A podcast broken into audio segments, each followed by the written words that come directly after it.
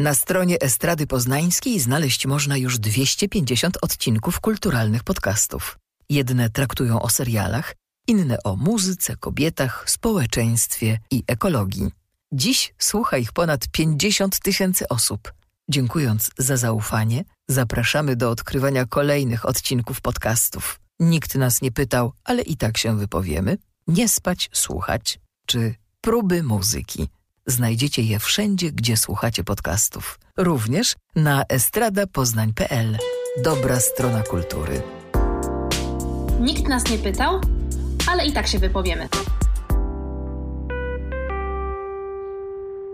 Dzień dobry, dzień dobry, drogie słuchaczki i drodzy słuchacze. Wakacyjna przerwa nas znowu trochę porwała, ale to wszystko jest z dobrych pobudek, ponieważ przygotowywałyśmy dla Was, właściwie bardziej ja, ale Kasia mnie bardzo wspierała, dzisiejsze nagranie, bo mamy tutaj ponownie gościnnie i żeby nie przedłużać wyczekiwanego przez nas i przeze mnie zwłaszcza tematu, będziemy dzisiaj rozmawiać o feministycznych miastach. A o feministycznych miastach i o idei, którą mnie właśnie zaraziła ta moja dzisiejsza gościnia, będę rozmawiać z Martą Mazurek. Dzień dobry, Marto.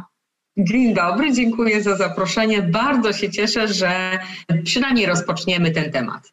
Tak, ja też się bardzo cieszę, bo kiedy rozmawiałyśmy sobie o y, tym, że bardzo chciałybyśmy Cię gościć w kolejnej odsłonie naszego podcastu, to właściwie Ty nam podsunęłaś ten temat i ja się bardzo ucieszyłam i o tych odkryciach dzięki Tobie się wielu i wspaniałych rzeczy się dowiedziałam. Będziemy zaraz rozmawiać, ale zanim to Marta oczywiście jest niestrudzoną kobietą, która działa na tak wielu polach i musisz Marto powiedzieć, ponieważ już gościłaś w naszym podcaście, czym Ty teraz się zajmujesz, co teraz robisz, co cię, co cię najbardziej pochłania w tym momencie? Tak, rzeczywiście y, to są pewnie, nazwijmy to takie główne trzy projekty.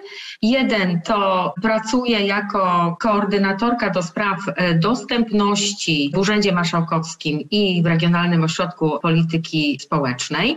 I to mnie tutaj pochłania, ta dostępność. Ja nawet, że tak powiem, ukończyłam z sukcesem studia podyplomowe w tym zakresie.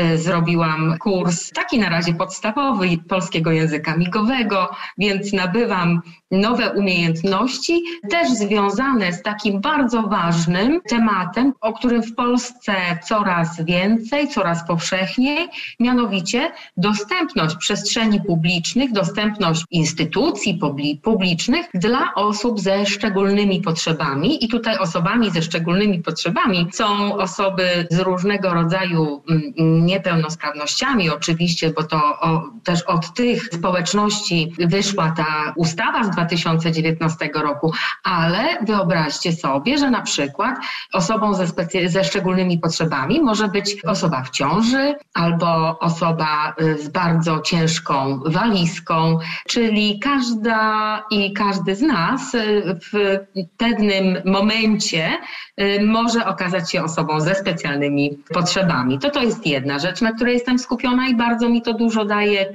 frajdy. To jest ogromna mm, wiedza, którą nabywam. Uczę się ciągle. Natomiast jako radna y, miasta Poznania jestem teraz zaangażowana w takie zbieranie też poparcia i szerzenie i wykorzystam tutaj, dziękuję Ci Agnieszko za to, że dajesz mi miejsce na antenie, wykorzystam tutaj ten moment, mianowicie jestem jedną z czterech współinicjatorek y, takiej bardzo żeńskiej inicjatywy mm, nazewniczej w rejonie Naramowic. Pamiętacie, że w Poznaniu teraz będziemy otwierać, tak, już niedługo ruszy ten wyczekiwany tramwaj na Naramowice. I to jest taka arteria komunikacyjna miejska na północ, że tak powiem.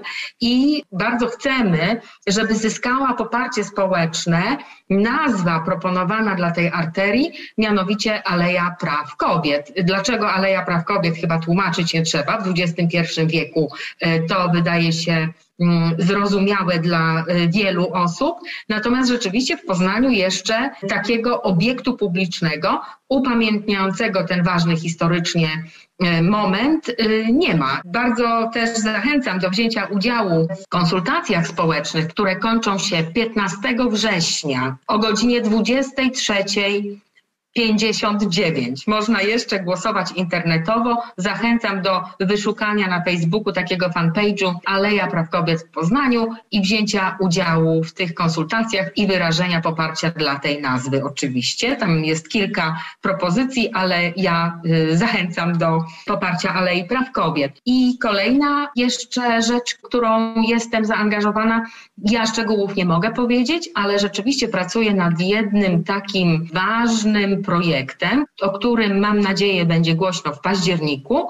Tutaj z ramienia wiceprzewodniczącej Komisji do Spraw Równego Traktowania i Praw Człowieka Związku Miast Polskich. To tyle.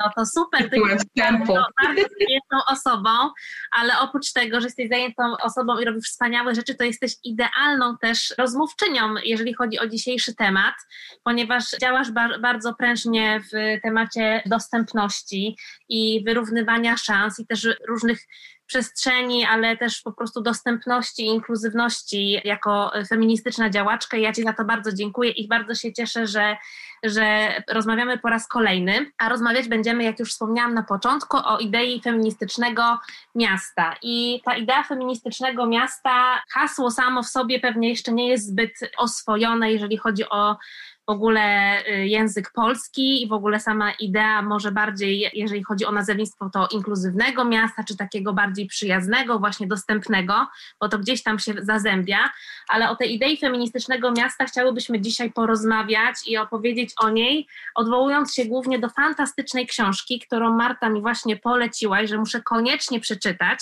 No i właśnie dlatego dzisiaj rozmawiamy. Jest to książka Feminist City, której, e, to autorką której jest e, Leslie Kerr. Kern.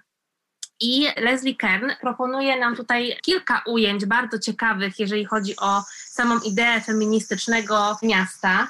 I żeby Was jeszcze tak trochę wprowadzić w to, no to na pewno nasze słuchaczki i słuchacze, osoby, które nas tutaj słuchają, no to może pamiętają odcinek o książce, która potrafi, dzięki której możecie wygrać wszelkie feministyczne batalie, czyli Niewidzialne kobiety Caroline Criado Perez. I ona też w bardzo, bardzo dużej części swoich rozważań, swojej książki poświęca właśnie temu, że miasta, w których żyjemy, są właściwie miastami mężczyzn. I poświęca też bardzo dużej, dużą uwagę analizie miast i miejsc pod kątem właśnie dostępności i też zmian bardziej inkluzywnych.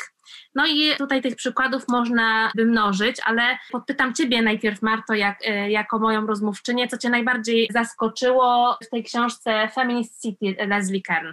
Ja może powiem, skąd mi się wzięło, dlaczego sięgnęłam w ogóle po tę książkę, bo ta książka to jest dość świeża sprawa. To jest 2022 rok i to już jest też rzeczywistość covidowa. Autorka jest profesorką na jednym z uniwersytetów w Kanadzie i jest że tak powiem, pracuje w dziedzinie, która powstała, jeżeli też pamiętacie, może jak opowiadałyśmy o trzech falach feminizmu, to pamiętacie, że mówiłyśmy o, o tym, że ta druga fala to były też bardzo mocno uaktywnienie takich z perspektywy y, genderowej, dzisiaj byśmy powiedzieli, tak, albo z perspektywy płci, wchodzą różne badania na uniwersytety. I ona między innymi jest przedstawicielką właśnie czegoś, co możemy nazwać feminist, no właśnie, feministyczną urbanistyką albo feministyczną geografią, bo takie studia właśnie w ramach takich e, różnych dziedzin również powstawały od lat 70. E, I teraz dlaczego ja sięgnęłam po tę książkę? A między innymi dlatego, że ta tematyka jest mi bliska. Ja bardzo wiele czytam o Wiedniu. Wiedeń to jest takie miasto, które jest uznawane przez e,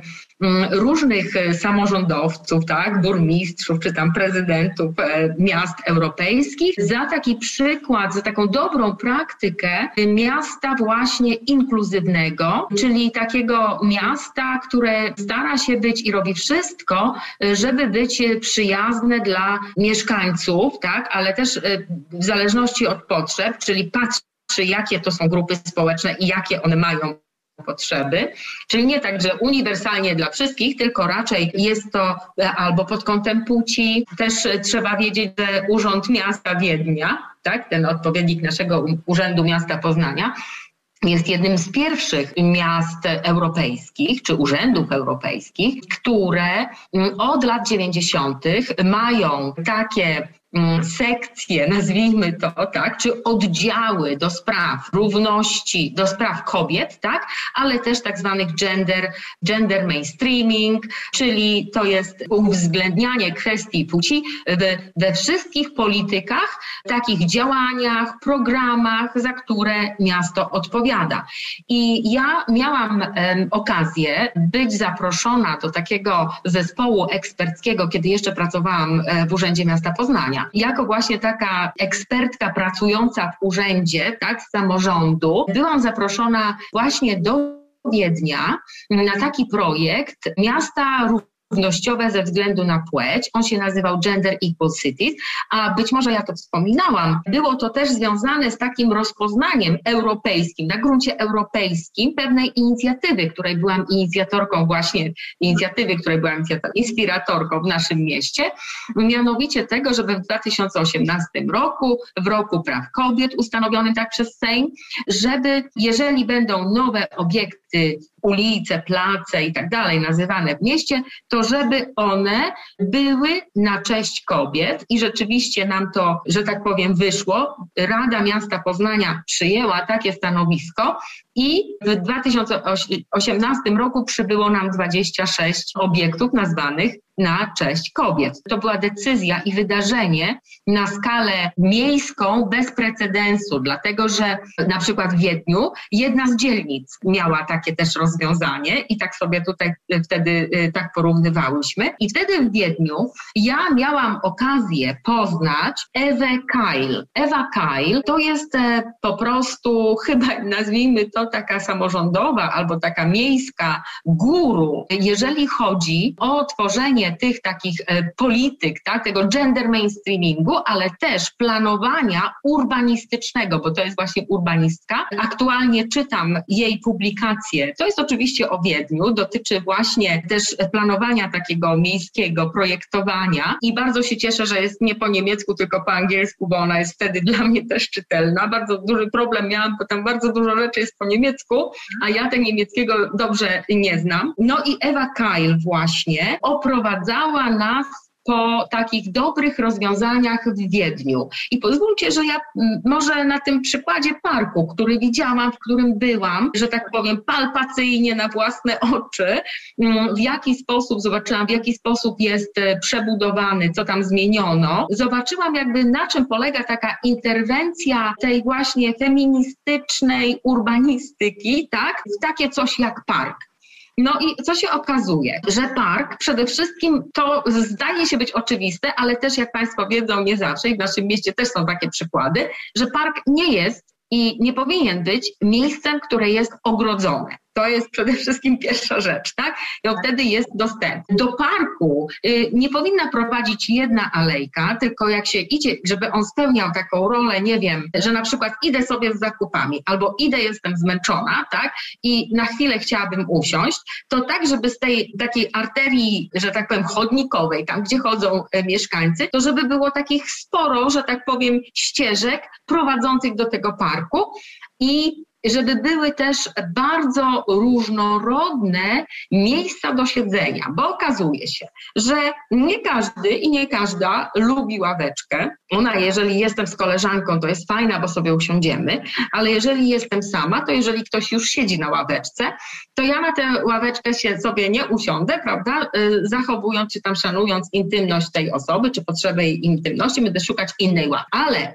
na przykład zrobiono też badania w pobliskiej szkole, w pobliskich szkołach i co się okazało? Młodzież wolała takie właśnie platformy drewniane, na których można usiąść i oni tam sobie siadają. Również, że tak powiem, w butach, z nogami, tak? To jest takie zupełnie mm, inna przestrzeń. My już te rozwiązania też e, mamy i możemy zaobserwować w Poznaniu, natomiast ja chcę powiedzieć, że to było rozwiązanie dekady wcześniej zrobione w, w Wiedniu. Hamaki na przykład prawda, że y, jest jeszcze inna możliwość przebywania, na przykład na y, hamakach. Ale to, co mnie najbardziej uderzyło albo najbardziej jakby przekonało, to była ich decyzja bo tam w tym parku było w pewnym miejscu odgrodzona taka przestrzeń siatką, która była przestrzenią do e, rozgrywania różnego rodzaju tam meczy albo grania w piłkę, czy to piłkę e, siatkową, czy to koszykówkę. To nie było stricte utwardzone jakimś betonem,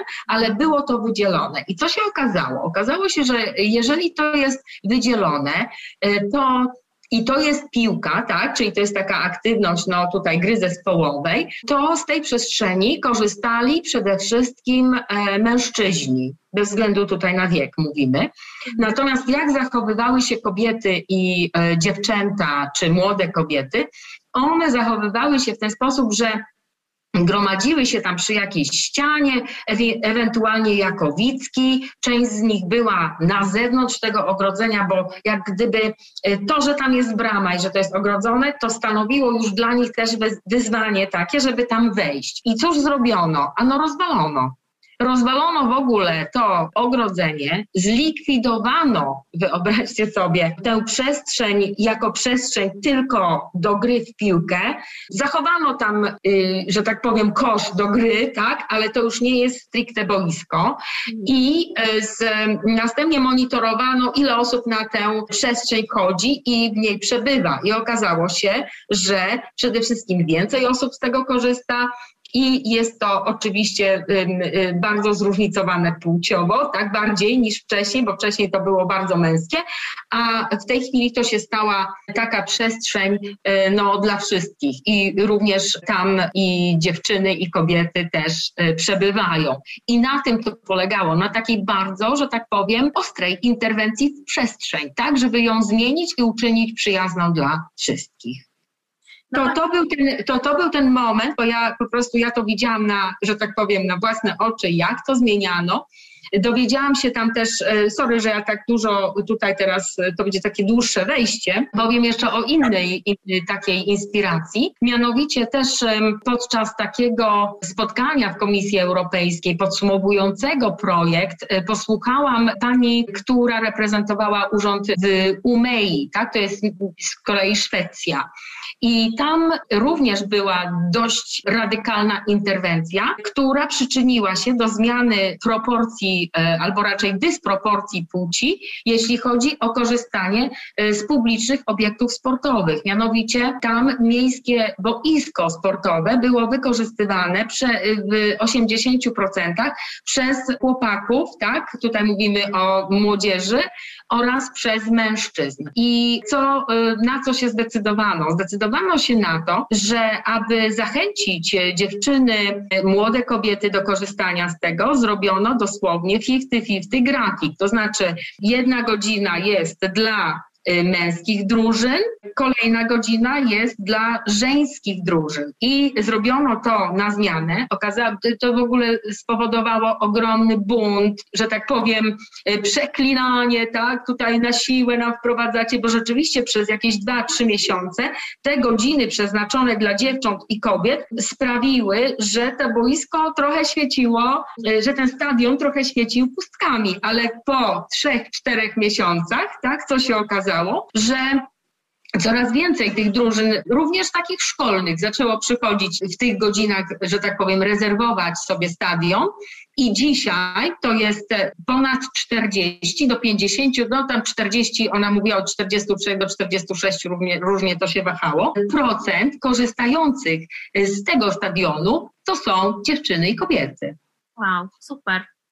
Czyli... Więc jakby tak, miałam taką szansę posłuchać i zobaczyć, na czym polega otwieranie przestrzeni, tak, żeby była, i tutaj, no nie oszukujmy się, mnie chodziło tutaj o gender, tak, czyli o płeć. Na czym polega otwieranie przestrzeni właśnie dla kobiet w różnych miastach i jak to wygląda w praktyce. Czasami rzeczywiście te decyzje nie spotykają się ze społecznym zrozumieniem, prawda, bo ojej, ojej, wy tutaj na siłę. Ja z punktu widzenia, że tak powiem, tutaj polityki miejskiej, to ta interwencja w nazewnictwo to też jest interwencja, że tak powiem, trochę taka odgórna, pewne założenie, że będziemy zwracać uwagę, bo też mamy to wpisane w uchwale nazewniczej w Poznaniu z 2019 roku, że przyjmując, tak, czy proponując nazwy dla obiektów publicznych w tym mieście, będziemy dbać o to, żeby zachować proporcjonalność, jeżeli chodzi o płeć patronu i patronek. I to też było bezprecedensowe w polskim samorządzie. W tej chwili już inne samorządy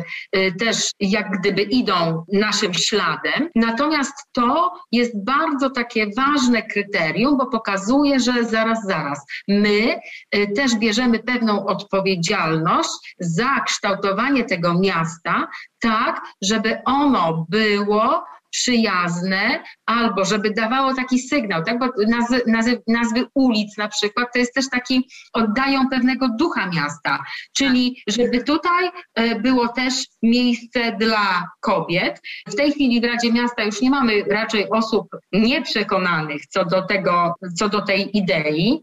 No nie podjęliśmy jeszcze decyzji takiej jak w Bergen. W Bergen Rada Miasta w kwietniu podjęła taką decyzję, że w ogóle dopóki nie osiągnie 50 na 50 patronek i patronów, dopóty będą nadawać nazwy obiektom publicznym, y, publicznym tylko na cześć kobiet. Czyli można nawet tak. Można. Można y, realizować te plany związane ze zmianą przestrzeni miejskiej, w ogóle myślenia o tej przestrzeni miejskiej i właśnie to jest niesamowite, o czym Ty mówisz, o tych zmianach, które widziałaś na własne oczy, ale też o których no, możemy czytać i u Leslie Kern, czy właśnie u wspomnianej przeze mnie na początku Credo Perez, bo oczywiście one piszą o tym Wiedniu, który jest gdzieś takim właśnie przykładem na te bardzo y, nowoczesne rozwiązania, ale też takie nieoczywiste, bo to właśnie bardzo często chodzi też o takie rozwiązania, które wiążą się na przykład o tym, żeby wyrównać właśnie ten parytet, żeby wyrównywać te szanse, ale czasami te rozwiązania, które wiążą się właśnie z takim inkluzywnym planowaniem przestrzeni, czy właśnie feministyczną geografią, czy, feministycz,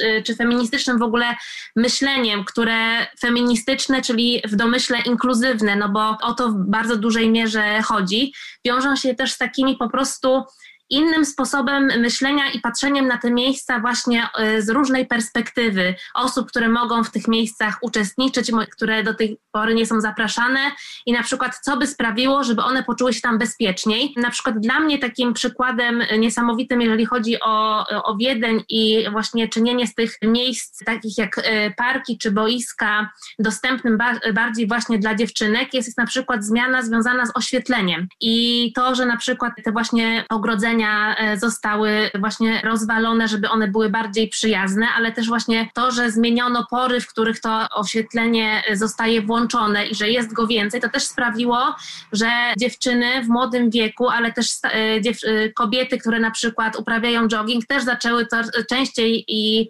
chętniej korzystać właśnie z takich przestrzeni publicznych, dlatego że czuły się tam bezpiecznie. I to są też bardzo ważne aspekty związane właśnie z planowaniem przestrzeni i myśleniem o przestrzeni związane y, z bezpieczeństwem.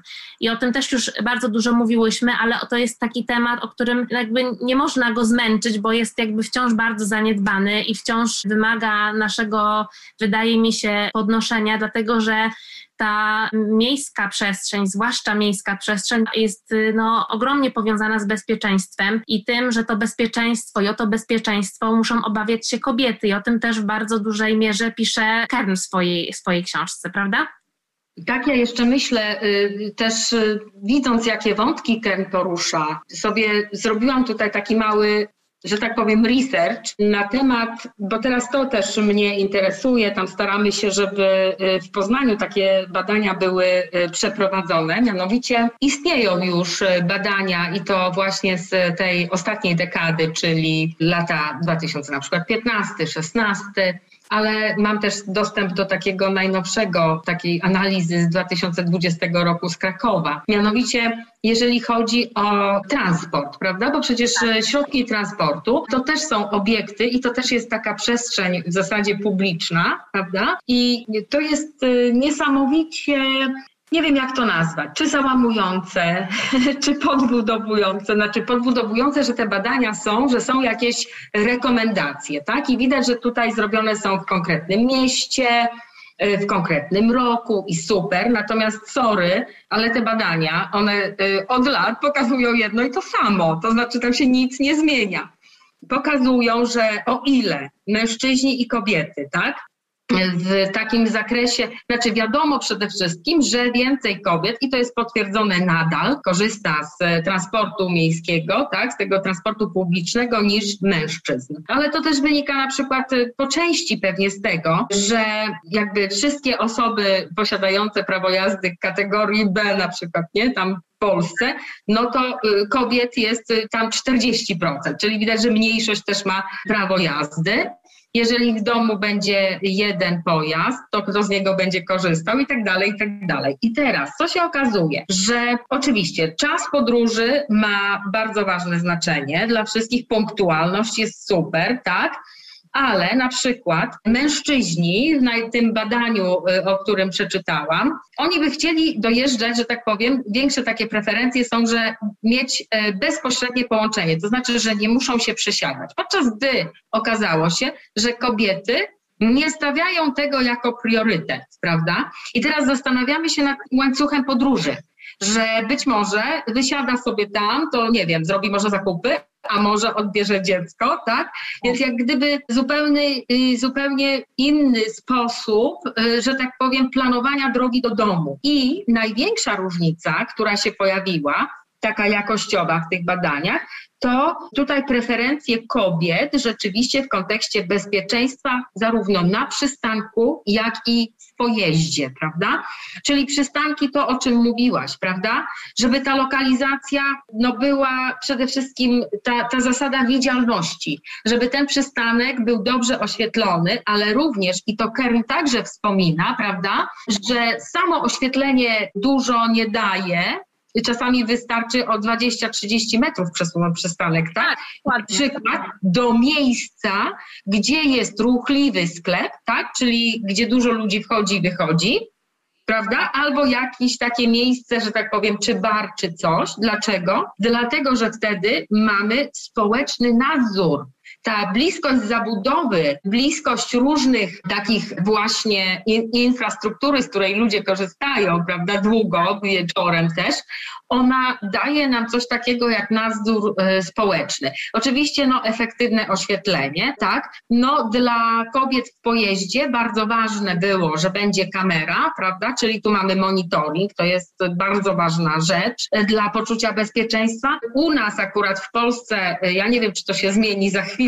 czy nie w związku z tym, co się dzieje po protestach, ale ważna jest y, widoczność służb mundurowych, prawda, co u Kern nie jest takie oczywiste. Tak, nie jest oczywiste, ale właśnie dobrze, że mówisz właśnie o tych rozwiązaniach y, związanymi z przystankami, bo dla mnie to było takie porażające, jeżeli w ogóle chodzi o takie myślenie o tym, co, y, co może realnie pomóc. I rzeczywiście jakby na takie poczucie bezpieczeństwa wpływają takie rozwiązania, które no naprawdę przesunięcie przystanku to naprawdę jest właściwie jakby żaden koszt i żaden wysiłek, a tak naprawdę to się wiąże z bardzo dużym poczuciem bezpieczeństwa i o czym też pisze Credo Perez, że to potem realnie wpływało w ogóle na jakby zgłaszane przez kobiety przypadki czy to molestowania, czy napaści, więc rzeczywiście badania y, potwierdzały, że, że ma to y, jakby uzasadnienie też i jest przede wszystkim skuteczne. Ciekawe jest też y, w tym kontekście właśnie też to technologiczne wykorzystanie, oprócz tego, że że monitoring i to poczucie tego, że jakby jest się niepozostawionym nawet, bo nie zawsze ten przystanek może być umiejscowiony w takim y, miejscu, które jest uczęszczane, no bo na przykład ktoś mieszka na obrzeżach miasta albo w takich y, miejscach, których właśnie takich miejsc jak sklepy czy, czy jakieś miejsca, w których y, ludzie się gromadzą, do których przychodzą, nie ma ich właśnie w pobliżu, ale też były dyskutowane takie rozwiązania, jak na przykład wprowadzenie ochrony w środkach transportu, jednak to nie spotkało się ze zbyt dużym mm, zrozumieniem ze strony zwłaszcza mężczyzn, o czym pisała właśnie Credo Perez i oni bardziej byli chętni chętni na inwestowanie w technologię, w na przykład też aplikacje, które czy jakieś przyciski w, w środkach transportu, które mogłyby kobietom w bardzo łatwy sposób y, pomóc zasygnalizować, że coś nie tak, że potrzebują na przykład pomocy, więc rozwiązania są rzeczywiście dyskutowane. Ale mogę, jeżeli mogłabym Ci się wtrącić, ja mam takie marzenie i mam nadzieję, że ono zostanie zrealizowane jeszcze, nie, może nie za długo, bo POMI tu jednak y, potrzebne jest jakby jakaś też reakcja, świadomość nasza jest y, o wiele wyższa dotycząca molestowania tak, w przestrzeni publicznej, a także w środkach y, tutaj y, tej komunikacji publicznej, nie oszukujmy się. Te wyznania milionów kobiet, tak, jak to są obmacywane, zaczepiane, dotykane, że tak powiem, to się czuje, kiedy dotyk jest przypadkowy, tak, kiedy ktoś się o ciebie otrze przypadkowo, a kiedy to nie jest przypadkowe. To przecież każda osoba, która tego doświadczyła, to y, wie, na czym to polega, choć być może trudno jest to wytłumaczyć, tak? I teraz, jeżeli byliśmy w stanie, tak, w sytuacji COVID-u, ja wiem, że to jest zagrożenie życia i że to trzeba było wszystko po prostu zrobić tam tak zwane wszystkie ręce na pokład, wypracować szybko y, procedury, a także instrukcje, jak się zachować, tak, y, w środkach transportu publicznego. Dlaczego nie możemy? I mam nadzieję, że to się stanie również w środkach transportu publicznego w Poznaniu Dlaczego my nie informujemy o tym, że molestowanie czy, czy napastowanie jest niedozwolone? Co zrobić, tak? Jak zareagować? Kogo zawiadomić, że ktoś cię tutaj, tak? Że, że y, ktoś narusza tutaj twoją przestrzeń. Ja nie mówię, że po prostu się przyciska, jak jest ścisk, tylko mówię tutaj o ewidentnych takich y, sytuacjach y, takiego właśnie molestowania czy niechcianego dotyku, bo to też ośmiela osoby, które tego doznają, że one wiedzą, że one mogą y, na przykład to zgłosić tu i teraz, tak? I ta reakcja, ta procedura, jak to ma wyglądać. Czyli taka akcja, y, takie instrukcje, tak, postępowania, tak jak co zrobisz, jak jest wypadek, albo jak stłuc i wyjść, y, po prostu ewakuować się przez okno, tak? Mhm. Takie instrukcje powinny być dotyczące tego. I mam nadzieję, że, bo wydaje mi się, że jednak to całe mi tu między innymi do takich rozwiązań i do takich przedsięwzięć skłania i y, będzie skłaniało również na przykład transport publiczny, tak? Czyli żebyśmy po prostu wiedzieli, jak się zachować i że mamy prawo y, reagować, natomiast nikt nie ma prawa naruszać naszej tutaj prywatności i nas, że tak powiem, obmacywać tak? Albo poklepywać, albo podszczypywać, bo takie rzeczy się zdarzają i o nich e, często nie rozmawiamy, tak? Bo tak sobie, e, bo to są te takie mikrourazy i tutaj wracam znowu do Kern, która opowiadała, że policja, czy policja jest o rozwiązaniem, prawda? Problem jest taki, że Kern jest Kanadyjką, z punktu widzenia takiego bardziej kanadyjskiego, ale też bardziej zróżnicowanego społeczeństwa niż e, nasze. Ja mówię tutaj bardziej o kolorze skóry, tak? O na przykład rdzennych Kanadyjczykach, tak, czyli mówimy o różnych społecznościach mniejszościowych, które, że tak powiem, narażone są na bardzo restrykcyjne i bardzo ostre, nieadekwatnie ostre e, traktowanie przez policję, prawda? I ona też się odnosi tutaj do protestów e, związanych tutaj z no, protestami kobiet i e, do reakcji policji na to. I jak gdyby ona y, mówi, że policja nie zawsze jest tym rozwiązaniem, o czym my zresztą przecież wiemy, ponieważ wiemy jaki jest odsetek meldowania czy zgłaszania przypadków, nie wiem, czy gwałtu, czy molestowania, tak? na, y, na policji i wiemy skąd to się bierze. Z, z powodu niezrozumienia, z powodu tej wtórnej wiktymizacji, y, że no może pani była winna, tak? Bo może pani niepotrzebnie tam poszła, bo może pani była źle ubrana albo się inaczej wyzywająco zachowywała, prawda? Bo to, to są te standardowe pytania, o których słyszymy, że padają. Skupianie się właśnie na ofiarze, a nie na sprawcy tego jakby molestowania czy, czy tego zdarzenia ale właśnie super, że też o tym wspomniałaś, bo to jest bardzo ciekawe też w kontekście w ogóle samej idei tego, żeby właśnie do głosu dopuszczać i do takiego planowania do, e, przestrzennego, urbanistycznego osoby, które mają zupełnie inne doświadczenie, no bo trudno i mówią też o tym e, badania i o tym mówiłyśmy w odcinku związanym z przemocą właśnie wobec kobiet, że mężczyźni bardzo często nie zdają sobie sprawy ze wszystkimi jakby zagrożeniami, którymi muszą liczyć się kobiety, korzystając z przestrzeni publicznej, z środków y, transportu, tego, że nie mogą wrócić same wieczorem, że muszą skorzystać z przysłowiowego Ubera czy taksów, że mają taki odruch wkładania na przykład ręki do kieszeni, żeby przygotować ewentualnie klucz, która, klucz który może posłużyć jako jakiś y, środek obronny.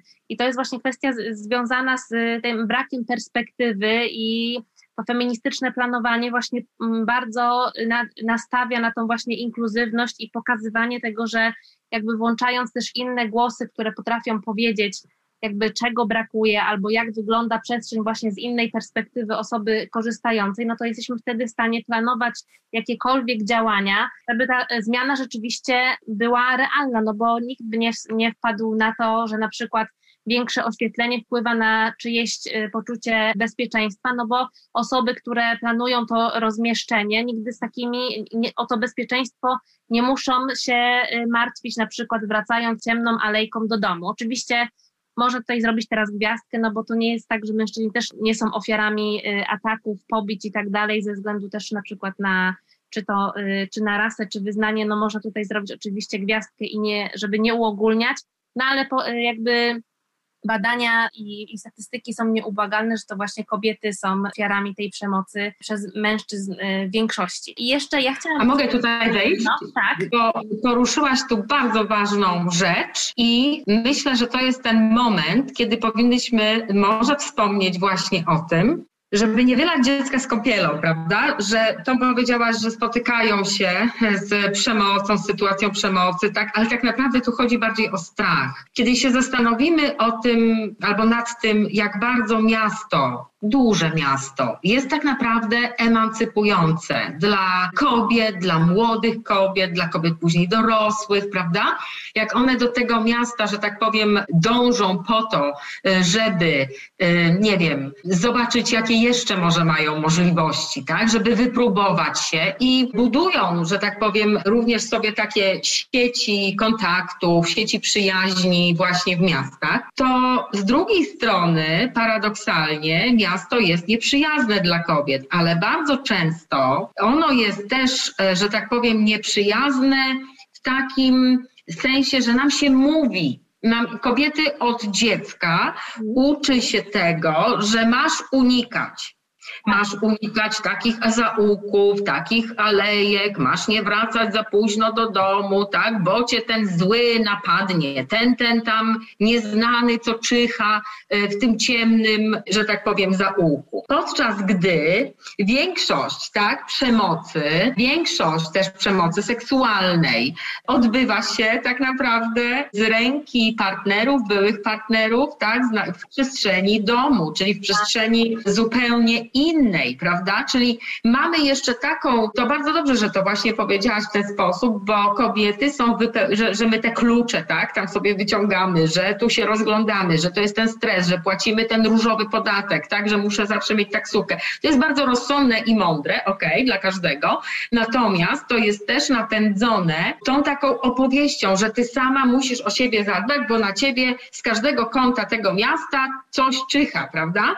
I to jest y, y, kolejny stres, który po prostu kobiety przeżywają, poruszając się po mieście i korzystając z niego. No nie oszukujmy się, tak? To jest też obarczone pewną takim, nie wiem, strachem, y, że wtedy zadzwonię do kogoś, chociaż tak naprawdę być może nic mi nie grozi. I też o tym rozmawiałyśmy chyba kiedyś, jak się czuje taki na przykład mężczyzna, który idzie gdzieś tam z tyłu, idzie sobie, jest niewinny, tak? Niczemu i niczego, żadnego zamiaru nie ma, a ty idziesz i zaczynasz się zachowywać, jakby on za chwilę miał cię zaatakować, tak? Że to jest takie, tutaj y, w książce Kern jest chyba bardziej tak y, pokazane, że kulturowo, tak, w naszym świecie mamy tak, że no, kobiety obawiają się, tak, przemocy ze strony mężczyzn i ponieważ nie mogą się ciągle bać wszystkich mężczyzn, prawda, to następuje, ona to nazywa taki displacement, czyli takie przemieszczenie tego strachu, bycia potencjalnie, nie wiem, no właśnie, narażoną na skrzywdzenie e, w tym świecie patriarchalnym, tak? Następuje przemieszczenie tego lęku na przestrzenie miejskie. Na przykład ten fragment, czy ten rozdział uważam za bardzo, bardzo też cenny. No również też w takim te, tym kontekście mitu, prawda? On temu absolutnie nie zaprzecza, ale też pokazuje na trochę jakieś inne, może nazwijmy to, e, szersze zjawisko. Tak, ona też y, bardzo y, dla mnie było ważne to, że ona powiedziała, że w kontekście właśnie tego strachu i tej obawie przed przemocą kobiet w mieście powiedziała, że że tak, że o tym y, trzeba mówić i tu jest y, też wciąż bardzo wiele rozwiązań, które trzeba wprowadzić, ale też elementem tej przemocy jest też przemoc domowa, że to też jest przemoc, która się wydarza bardzo często w mieście, obok, bardzo często obok ciebie, za zamkniętymi drzwiami i że, że to jest też ten element tego miejskiego planowania, tego bycia kobiet w mieście. I to było dla mnie też takie uderzające, że że jakby, mm, że mówimy o tym byciu w mieście, w takiej tej przestrzeni rzeczywiście miejskiej, ale elementem też myślenia o mieście jest też, są też mieszkania, cała ta sytuacja, też cała sytuacja związana, o której ona pisze, o, o tym, dla kogo są mieszkania, ile one kosztują, też pisze o gentryfikacji, więc jakby to jest bardzo rozległy wątek, ale ona też pokazuje tą feministyczną geografię, to myślenie o y, feministycznym mieście w bardzo szerokim y, kontekście i uważam, że dla, dlatego ta książka jest tak niezwykle cenna. Ale to jest w ogóle świetne, ponieważ ona rzeczywiście to pisze w kontekście COVID-u, tak, czyli tak. czy lockdownu, kiedy życie, że tak powiem, przeniosło się do domu, do zamknięcia w czterech ścianach. Dom okazał się po prostu niebezpieczny, prawda? Czy policjant nam tutaj pomoże? Tak jak już wspominałam w tym kontekście gwałtu czy przemocy domowej, to okazało się w ogóle niewystarczające prawda? Ale tu jest wątek, który ona, myślę, jest jeszcze szerszy ten wątek. To jest wątek, który przejawiał się już e, w literaturze feministycznej lat 70., mianowicie jest to krytyka modelu rodziny nuklearnej, czyli tutaj mówimy oczywiście o heteroseksualnej rodzinie, takiej, no, rodzice dzieci, prawda? E, która jest, e, żyje no dobrze, żyje sobie powiedzmy w bloku, tak, to, to jak są mieszkania zaprojektowane, prawda, one, to, że tak powiem, życie, ta kultura życia w, w bloku, czy właśnie w mieście, nie jest e, na tyle sprzyjająca, żeby zawiązywały się, czy nawiązywały się takie relacje społeczne pomiędzy, takie międzysąsiedzkie, takie jak się na przykład zawiązują, nie wiem, y, przynajmniej zawiązywały, tak, w społeczności bardziej takiej wiejskiej, nazwijmy to, albo w społecznościach, bardzo dobrze zresztą opisane, y, opisanych takich praktykach społecznych, wsparcia kobiet y, wzajemnego przez Afroamerykanki, też już w latach 70. i na początku lat 80., prawda? I teraz jak one sobie, one sobie zupełnie inaczej radzą z sytuacją przemocy, one sobie zupełnie inaczej radzą na przykład z zaopiekowaniem się dziećmi, y, kiedy na przykład ma jakąś sytuację taką, że pilnie musi wyjść i dziecko musi komuś zostawić. Co robi osoba y, w mieście? No osoba w mieście w rodzinie nuklearnej polega na babciach, tak? Na systemie tym babci albo kogoś, a jak nie, to, y, że tak powiem, powiem, płaci komuś za to, żeby y, przypilnował y, dziecka, prawda? Natomiast istnieją wypracowane świetne praktyki w społecznościach, w tych społecznościach, które są społecznościami mniejszościowymi i takimi są na przykład Afroamerykanki, prawda? Y, które mówią o takiej instytucji, tej matki społecznej. To znaczy one e, wytwarzają na tyle intensywną taką więź, więź wspierającą się między kobietami, że one robią to, co dzisiaj się u nas zaczyna też robić, takie kooperatywy, tak? tak, tak. Że E, na przykład e, pilnują sobie nawzajem dzieci. To też oglądałam na przykładzie jednego takiego osiedla, z tego właśnie Ewa Kyle była strasznie dumna w Wiedniu. To nie było duże osiedle, ale to było osiedle z mieszkaniami, które miały okna na podwórko. Tak było podwórko zrobione, że tak powiem, te mieszkania, te takie, to były cztery, powiedzmy sobie, bloki mieszkalne niezbyt wysokie i one y, miały w środku podwórko, to podwórko miało plac zabaw i okna które wychodziły tam, nie wiem, z kuchni, z takich pomieszczeń, gdzie się najczęściej przebywa, I nawet drzwi były właśnie na to podwórko. Dlaczego? Bo się wypuszcza dzieci, a ja sobie idę i wtedy,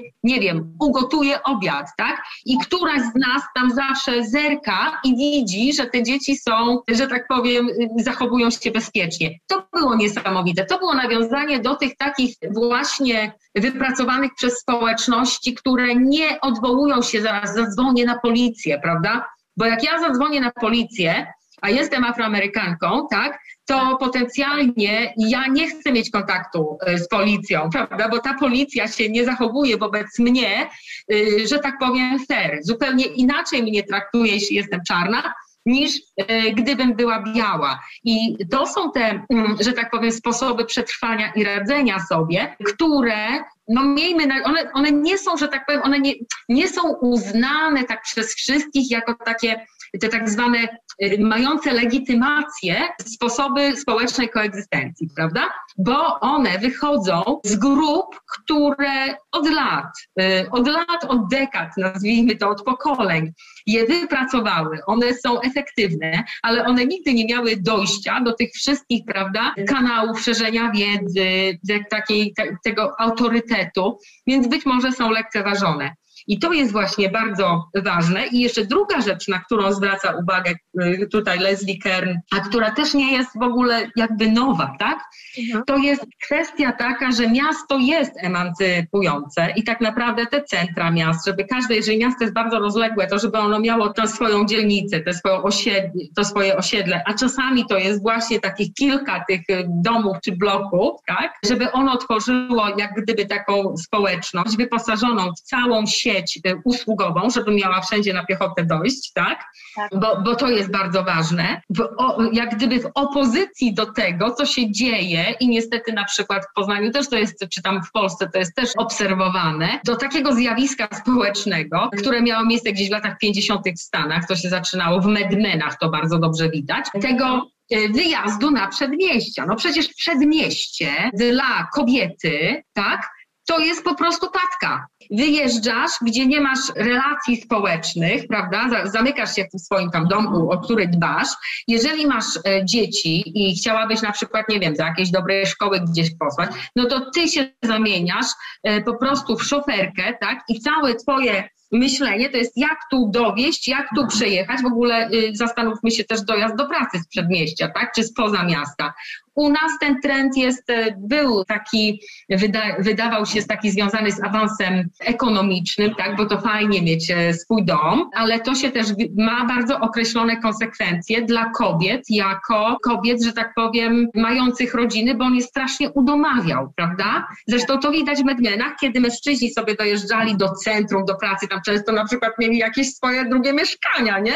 Dokładnie. Y, I wieczorem wracali, a ta żona tam, to były lata 50., ale zobaczmy, że ten proces wyjeżdżania na, na przedmieścia, on jak gdyby trwa. On się też wiąże z z tym niestety, że mieszkania tak, w miastach są drogie i coraz droższe. I tu jest inna kwestia, ale że tak powiem, to miasto jest emancypujące, a nie przedmieścia. Y, tutaj i ona znowu powtarza te, znowu jak gdyby albo przywołuje te tezy, który, bo przecież przedmieście bardzo mocno kojarzy się z tą nuklearną rodziną, a nuklearna rodzina, wtedy kiedy nie masz oparcia w innych, tak, w, w wujkach, ciotkach, którzy mieszają obok, w babciach i, i tak dalej, tak, którzy tworzą z tobą jedną społeczność, to ty musisz się wszystkim zająć albo sprawić, że jeżeli chcesz, żeby to wszystko funkcjonowało, to musisz po prostu nająć ludzi, którym zapłacisz. I tutaj w ogóle ty poruszałaś bardzo dwa ważne wątki, więc zanim przejdziemy do mojego ulubionego wątku z tej książki, czyli do, do, do rozdziału o przyjaźni, to ja jeszcze tutaj chciałam dodać a propos tego, że miasto jest rzeczywiście emancypujące, zwłaszcza dla młodych kobiet, które stwarza im te możliwości, których wcześniej nie miały i też jakby pokazuje im, że one mogą zdobywać to miasto i być częścią tego miasta, ale też Kern pokazuje też to miasto pod kątem osób, zwłaszcza kobiet, które pracują właśnie w sektorze opieki i usług. I wtedy, kiedy jesteś jakby osobą, która pracuje właśnie w takiej branży, no to okazuje się, że miasto jakby nie jest w ogóle pod podporządkowane pod takie osoby, które bardzo często muszą podróżować, przesiadać się, zaliczać tak zwany multitasking, czyli myśleć o na przykład dojeździe do pracy w kontekście tego, jakie sprawy jeszcze można po drodze załatwić, co jeszcze ze sobą zabrać, y, żeby nie, nie nadrabiać ciągle drogi w tej i z powrotem. No i tutaj też bardzo ważna część związana z w ogóle ponownie planowaniem przestrzeni, czyli jakby żeby, żeby myśleć o tych miejscach, które wiążą się właśnie z, z takim sektorem właśnie opieki, czy to są szpitala, czy domy opieki, czy sektory związane z usługami, żeby na przykład koncentrować je w taki sposób, żeby były w takich miejscach otoczone właśnie czy to y, sklepami, czy innymi rzeczami, których, które można załatwić wszystko w, jedny, w jednym miejscu, żeby myśleć pod kątem osób, które w ten sposób pracują i które jakby podtrzymują też cały ten system, no bo ona też pokazuje, że właśnie w kontekście pandemii i a propos tego, że ta książka jest niezwykle aktualna, no to okazało się, że my w bardzo dużej mierze właśnie polegamy na tej pracy sektora opiekuńczo-usługowego i że te osoby zostały jakby bardzo wyraźnie pokazane w trakcie pandemii, jakby ich praca i zależność y, nasza od, od ich pracy. I tego właśnie, że są to bardzo często też osoby zatrudnione na bardzo niestabilnych y, warunkach. I ona też pokazuje właśnie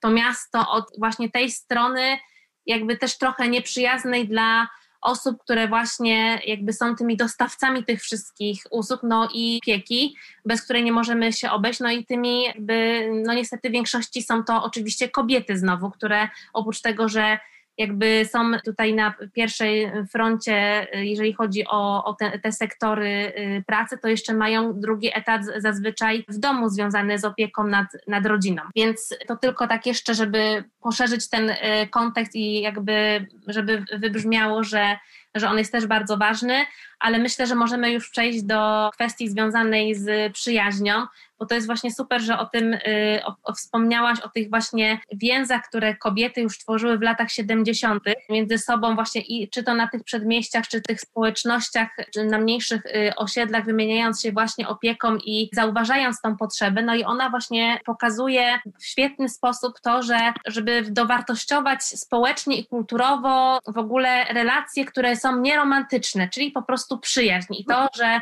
zwłaszcza kobiety wymieniają się w takiej przyjaźni też po prostu takimi dobrami związanymi właśnie z opieką, z pomaganiem sobie i tego, że te przyjaźnie są też długotrwałe i niczym relacje romantyczne, że jakby też ten sposób, w jaki społecznie my się teraz wiążemy, czyli że te że na przykład małżeństwa to już nie są na całe życie, tak jak kiedyś o tym myślano, że są rozwody, że są rodziny patchworkowe, że są rodziny nieheteronormatywne, ale też, że są po prostu relacje, które nie są w ogóle usankcjonowane urzędowo, czy jakkolwiek by je nazwać, ale są też po prostu relacje przyjacielskie i te przyjacielskie relacje, zwłaszcza jeżeli chodzi o relacje między kobietami, ona w bardzo piękny sposób jakby dowartościowuje i pokazuje też jakby takie kulturowe, taką kulturową zmianę i też to, to, że bardzo często wymawiano, że kobiety powinny się bać drugich kobiet, że kobiety to są te plotkujące, te zawistne wobec drugich kobiet i że kobiety same przemieniają jakby moc tej przyjaźni i to, co ta przyjaźń daje na, na własne zasady i w ten sposób gdzieś opierają się nie tylko takiemu patriarchalnemu spojrzeniu na kobiety, które uczy je współzawodnictwa, a nie bycia razem i doceniania wartości tej girl power, sisterhood, te wszystkie rzeczy, które nobilituje i wprowadza jakby na nowe tory feminizm, o czym mówiłyśmy niejednokrotnie. I no dla mnie ta jakby wprowadzenie tego, tego też spojrzenia na miasto przez relacje, w jakie teraz współcześnie ludzie się nie tylko jakby angażują, ale też w jaki sposób żyją. I w jednym z wywiadów z Karen czytałam mm, o takim bardzo, no wydaje mi się pięknym przykładzie na potwierdzenie tego, o czym ona sama pisze, mianowicie w Kanadzie był taki bezprecedensowy wyrok sądu, który przyznał prawo do opieki nad dzieckiem przyjaciółce matki tego dziecka. Chodziło o to, że po prostu była samotną matką i żeby gdzieś współdzielić to rodzicielstwo i ułatwić sobie życie, Czyli na przykład, y, jeżeli nie ma się tej opieki prawnej, to wiadomo, że nie można bardzo często odebrać gdzieś tam dziecka ze szkoły, nie można na przykład dowiedzieć się o jego stan zdrowia w szpitalu. No są różne takie prawne rzeczy, których nie, nie możesz doświadczyć, nie możesz współuczestniczyć, jeżeli nie jesteś opiekunem prawnym. No i te kobiety heteroseksualne były po prostu przyjaciółkami od wielu lat i ta y, przyjaciółka, jedna z, y, z, przyjaciółek została właśnie takim prawnym opiekunem dziecka swojej przyjaciółki, żeby y, właśnie pomagać jej w, w takim jakby codziennym życiu, bo tutaj jakby to była dla niej rodzina, ale taka nieusankcjonowana właśnie rodzina przyjacielska. I to jest właśnie dla mnie takie ukoronowanie tego, o czym pisze Kern, o czym może każda, wydaje mi się, z nas powiedzieć, że ma mnóstwo takich przypadków wokół siebie, takich funkcjonujących relacji czy rodzin. To, co pisze Kern, bardzo się y, jakby cieszę, że tobie się to podoba, nie? bo to też jest taka pewna, y, tutaj nazwijmy to utopia, która w ogóle utopią nie jest, bo to wszystko już było. W dawnych wiekach istniały społeczności, złożone tylko, w sensie community, czyli takie społeczności złożone tylko z kobiet, które wspierały się nawzajem, tak, w wychowywaniu dziecka, dzieci. W XIX, na przełomie, tak mamy przełom XIX-XX wieku, w literaturze takiej anglosaskiej, ja to bardziej nazwę, w ten sposób, bo ją bardziej znam, istniał cały trend, cały taki, nazwijmy to blok literatury, który się nazywał e, feministyczną utopią, to dzisiaj e, krytyczki tak to nazwały, ta feministyczna utopia to była również wizja świata, w którym nie ma mężczyzn i wizja zupełnie innego urządzenia tego świata pod względem, ja mówię, tej ważnej, istotnej kwestii, tak, która dla wielu kobiet jest kwestią kluczową w funkcjonowaniu w ich rolach społecznych, bo są matkami i opiekunkami. I po prostu, które też się skupiały na innym wyobrażeniu tej takiej opieki, że tak powiem, nad potomstwem, Dlatego, że pamiętajmy, że y, y, taki mit miłości romantycznej, tak, na której powinien opierać się związek i tak dalej, no to duma i uprzedzenie, tak? Mamy XIX wiek. I e, również mamy też ten model już e, coraz bardziej tej rodziny takiej, no nie z, manufa- z czasów manufaktury, gdzie była wielopokoleniowa, tak? Gdzie wszyscy równo pracowali, wszystkie pokolenia, żeby tutaj ekonomicznie się utrzymać i bogacić swój ród, tylko mamy właśnie wejście w taką rodzinę bardziej nuklearną. No zaczyna się rynek pracy, tak? Kapitalizm. To jest pewien powrót, tak? To jest pewna tęsknota za czymś, co już było wyobrażane, ale też co już istniało. Natomiast to y, też o tym piszą, znowu mówię, w latach 70. tutaj mamy, no nie wiem, Adrienne Rich chociażby sobie, jeżeli przeczytamy, tak, to ona mówi o tej heteroseksualności, przymusie do heteroseksualności, o tej przyjaźni, o tym y, tak zwanym czy wam lesbiańskim, czy lesbijskim kontinuum w kontekście w ogóle czasami pozbawionym właśnie tego, tej erotyki, tak? Czyli próby feministyczne, jak gdyby tutaj zmiany tej, tej dominanty, tak, żeby, żeby była inny rodzaj tej sieci pokrewieństwa, tak, to pokrewieństwo z wyboru, które nie opiera się z założenia na relacji romantycznej, heteroseksualnej, tak, czyli żeby coś innego mogło też być podstawą tej, nie wiem, podstawowej komórki społecznej, jaką jest rodzina, a wiemy, że mamy przymus, tak, do tej miłości romantycznej mamy te śluby, mamy pity, jak rozliczamy w ogóle, jak mieszkanie możesz sobie kupić i tak dalej, i tak dalej, prawda? Więc jakby ten przymus mamy społecznie ze strony też państw, y, że tak powiem. Natomiast cały ten nurt właśnie takiego doceniania przyjaźni, pokazywania, że, ta, że przyjaźń, tak jak właśnie tak jak ty wytłumaczyłaś, że ona może stać się taką, taką wspierającą, tak? Tak naprawdę pomóc ci przetrwać też w sytuacjach trudniejszych. Zresztą afrykańskie stare przysłowie it takes a village to raise a child, tak? Czyli całej wsi potrzeba, żeby wychować dziecko. To cały czas e, jak gdyby mówimy o jakiejś innej, alternatywnym sposobie funkcjonowania właśnie czy wytworzenia pewnej społeczności, która skutecznie tak, wesprze ten, y, że tak powiem, ten obowiązek wychowania dziecka, tak, co okazuje się, że dla myślicielek tutaj takich też feministycznych, że to też jest bardzo istotna kwestia. A ja jeszcze może wrócę z tą przyjaźnią, tak, z, tymi, y, z tym tworzeniem sieci znajomych, co jest oczywiście łatwiejsze, jeżeli niedaleko od siebie mieszkamy albo możemy dojechać do siebie, nie wiem, tramwajem czy czymś innym, to w kontekście, że tak powiem, radzenia sobie, wspierania, tworzenia takich właśnie sieci, jest świetnie opisane w książce Ellen K. Trimberger, Nowa Singielka. Ja już ją kiedyś e, reklamowałam, prawda? To jest książka, która została na polski przetłumaczona w 2008 roku przez Agnieszkę Grzybek, a ona jest chyba z 2005 roku. To jest świetna książka, której ten wątek też się przewija w kontekście na przykład choroby, tak? W kontekście tego, że coraz więcej, tutaj skupimy się na kobietach, przepraszam, ale coraz więcej kobiet decyduje się na życie pojedynkę, prawda? I teraz następuje pewien kryzys w życiu i jak sobie z nim poradzić. To jest normalnie pokazane, co musisz zrobić, w jaki sposób opisane są też, jak się organizowały. Tam był przykład akurat raka, prawda? Wspierania ko koleżanki. Ja nawet nie nazywam tego przyjaciółką, koleżanki, tak? W sytuacji, kiedy ona musi się skupić na tutaj walce z rakiem. Czyli to by była ta jedna książka, ale jest też świetna książka All the Single Ladies. I to jest książka z kolei napisana w roku 2016 i to jest Rebecca Traister, która też e, opowiada opowiada, to tak naprawdę robi taki pewien przekrój. Ona patrzy na, to jest bardzo mocno w historii i, i w takiej kulturze amerykańskiej osadzona książka, która pokazuje, że cały postęp, ta cała fala dążenia do demokracji prawdziwej, tak,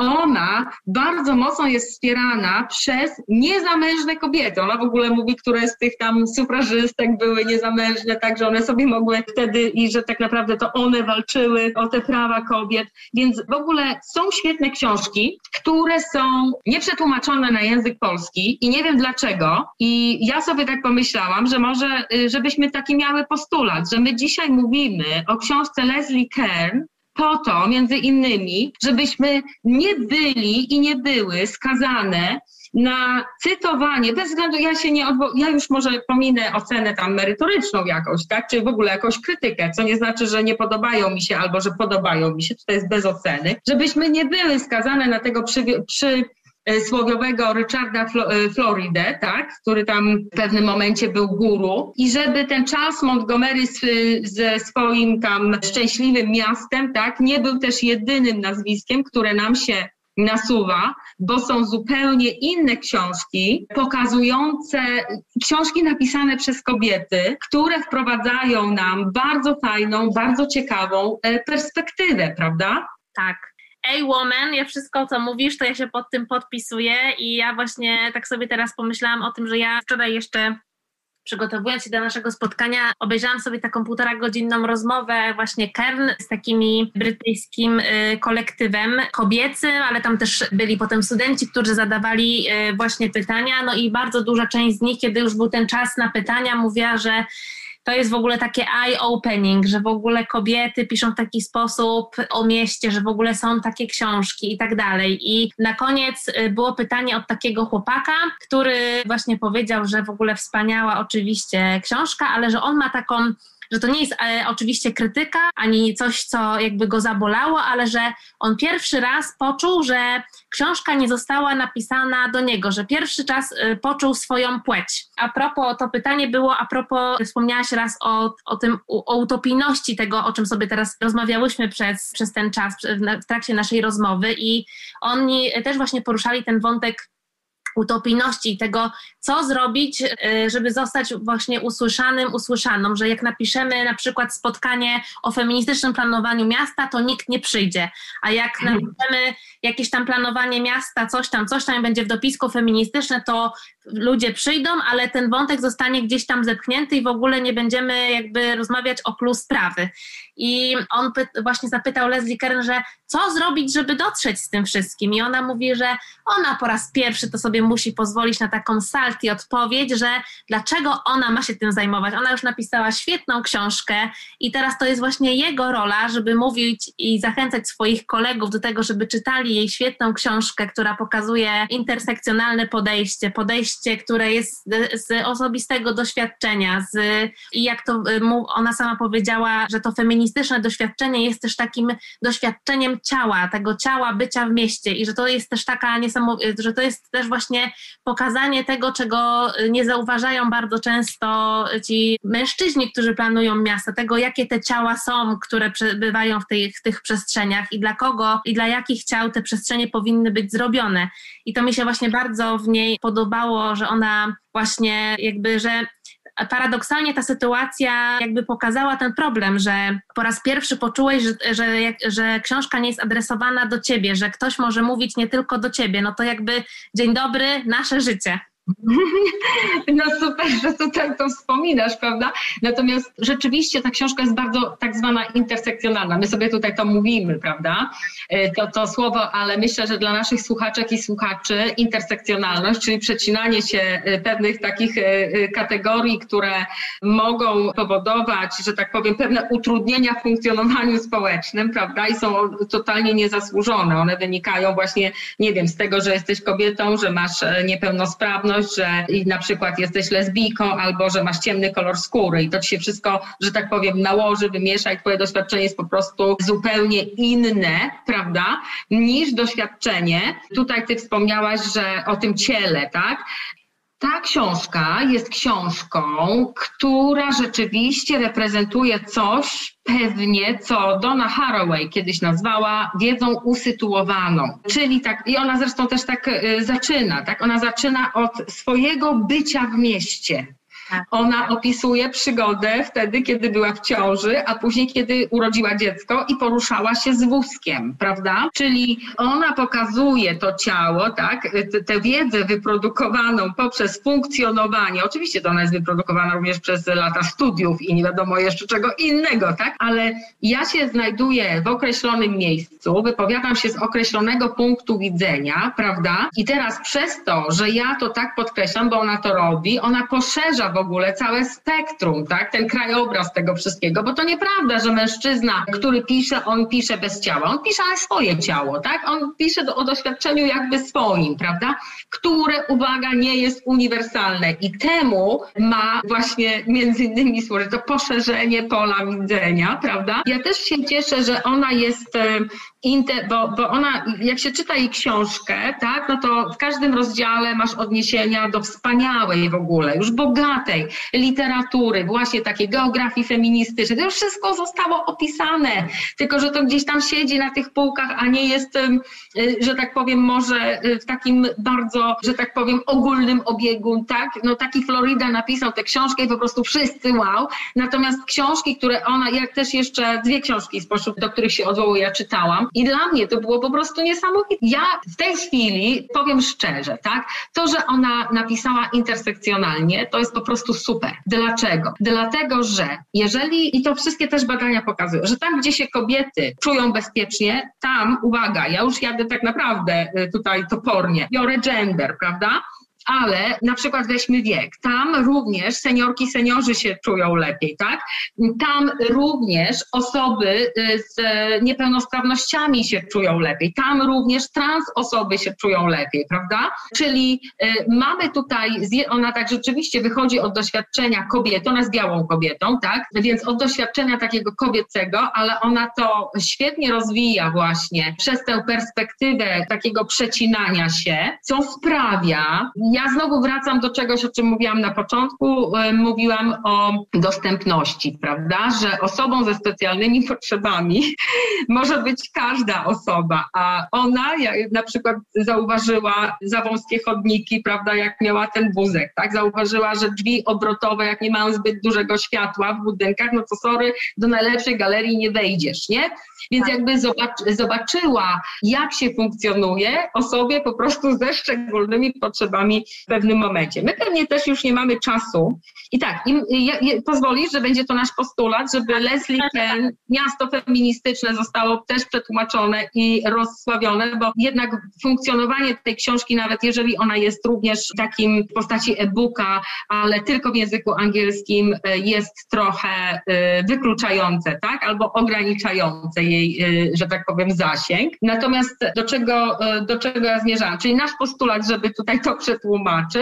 No a druga rzecz właśnie o tej idei dostępności, prawda? Bo od niej tak naprawdę zaczęłyśmy, że tutaj to, co Leslie Ken pokazuje, to miasto feministyczne, to tak naprawdę miasto dostępne i przyjazne dla każdego. Ja, gdybym tu miała jakieś ewentualnie nie wiem czego użyć, może nie metafory, ale może metafory trochę, albo raczej takiej ilustracji. Ja zawsze pokazuję, bo zrobiło na mnie ogromne wrażenie, mianowicie gmach o Opery w Oslo. Gmach Opery w Oslo to był taki, ta, taka największa inwestycja, największy w ogóle kulturalny taki budynek, chyba nie wiem, na przestrzeni 600 lat czy 700. I teraz ja kiedyś, e, jak tylko przyjechałam pierwszy raz do Oslo, ja znalazłam się pod takim budynkiem, który mnie strasznie zaintrygował, a ja, wiecie, wtedy jeszcze nie, no ja wiedziałam, że tam idę, ale nie nastawiałam się, bo, chcia, bo wiedziałam, że będę z kimś zwiedzać to miasto i chciałam sobie tak niedokładnie y, wiedzieć, gdzie będę. Chciałam je po prostu poczuć i zobaczyć tak nie, jakby, jak taki nowy, nowa osoba w mieście, prawda? I stanęłam wieczorem pod budynkiem, który wydawał mi się jakimś, ja nie wiedziałam, że to jest dyskoteka. Co to jest? To było tak mnóstwo y, osób w różnym wieku. Te osoby się tam umawiały na spotkania, tak? I później widziałam, że tam za chwilę będzie, tam w ogóle była y, reklama tej opery, którą pamiętałam, że widziałam u nas i bardzo się wzruszyłam i zastanawiałam się, co to jest za miejsce i weszłam na dach. Ja weszłam na dach tak jak wszyscy, tam nie ma żadnego schodka, tam nikt nie musi korzystać z dodatkowej windy jakiejś, dobudowanej, żeby się dostać. Tam mogłam iść ja, tam mogła iść osoba, nie wiem, jechać osoba na wózku, osoba y, z wózkiem, z rowerem, mogłaś prowadzić sobie rower, mogłaś iść o kulach i weszłaś razem z tymi wszystkimi ludźmi na sam szczyt i na drugi dzień tam rzeczywiście też weszłam i mogłaś się, że tak powiem, wystawić twarz do słońca i się opalać. To jest pro, projektowanie uniwersalne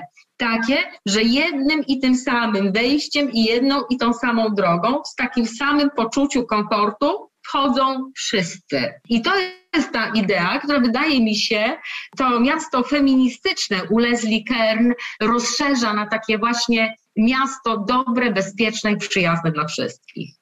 Tak, i to jest piękna puenta naszej rozmowy. Lepiej bym tego nie ujęła. I z tym utopijnym, pięknym obrazem Was zostawiamy. A ja, Marta, Ci dziękuję za kolejne świetne spotkanie. To była dla mnie super inspirująca rozmowa i bardzo Ci dziękuję i bardzo trzymam kciuki za Twoje kolejne wspaniałe działania.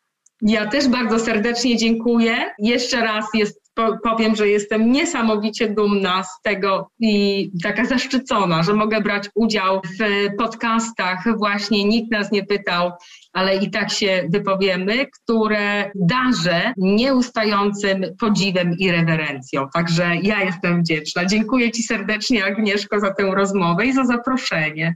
Dziękuję i na pewno słyszymy się jeszcze niejednokrotnie na falach naszego podcastu, a Was zapraszamy do odsłuchu kolejnego odcinka już za dwa tygodnie. Dziękuję. I, I dziękujemy za słuchanie. Tak, bardzo dziękujemy tym, którzy wytrwali do końca. Do zobaczenia, do usłyszenia. Do usłyszenia. Nikt nas nie pytał, ale i tak się wypowiemy. Producentem podcastu jest Estrada Poznańska. Wszystkie odcinki znajdziesz na estrada.poznan.pl.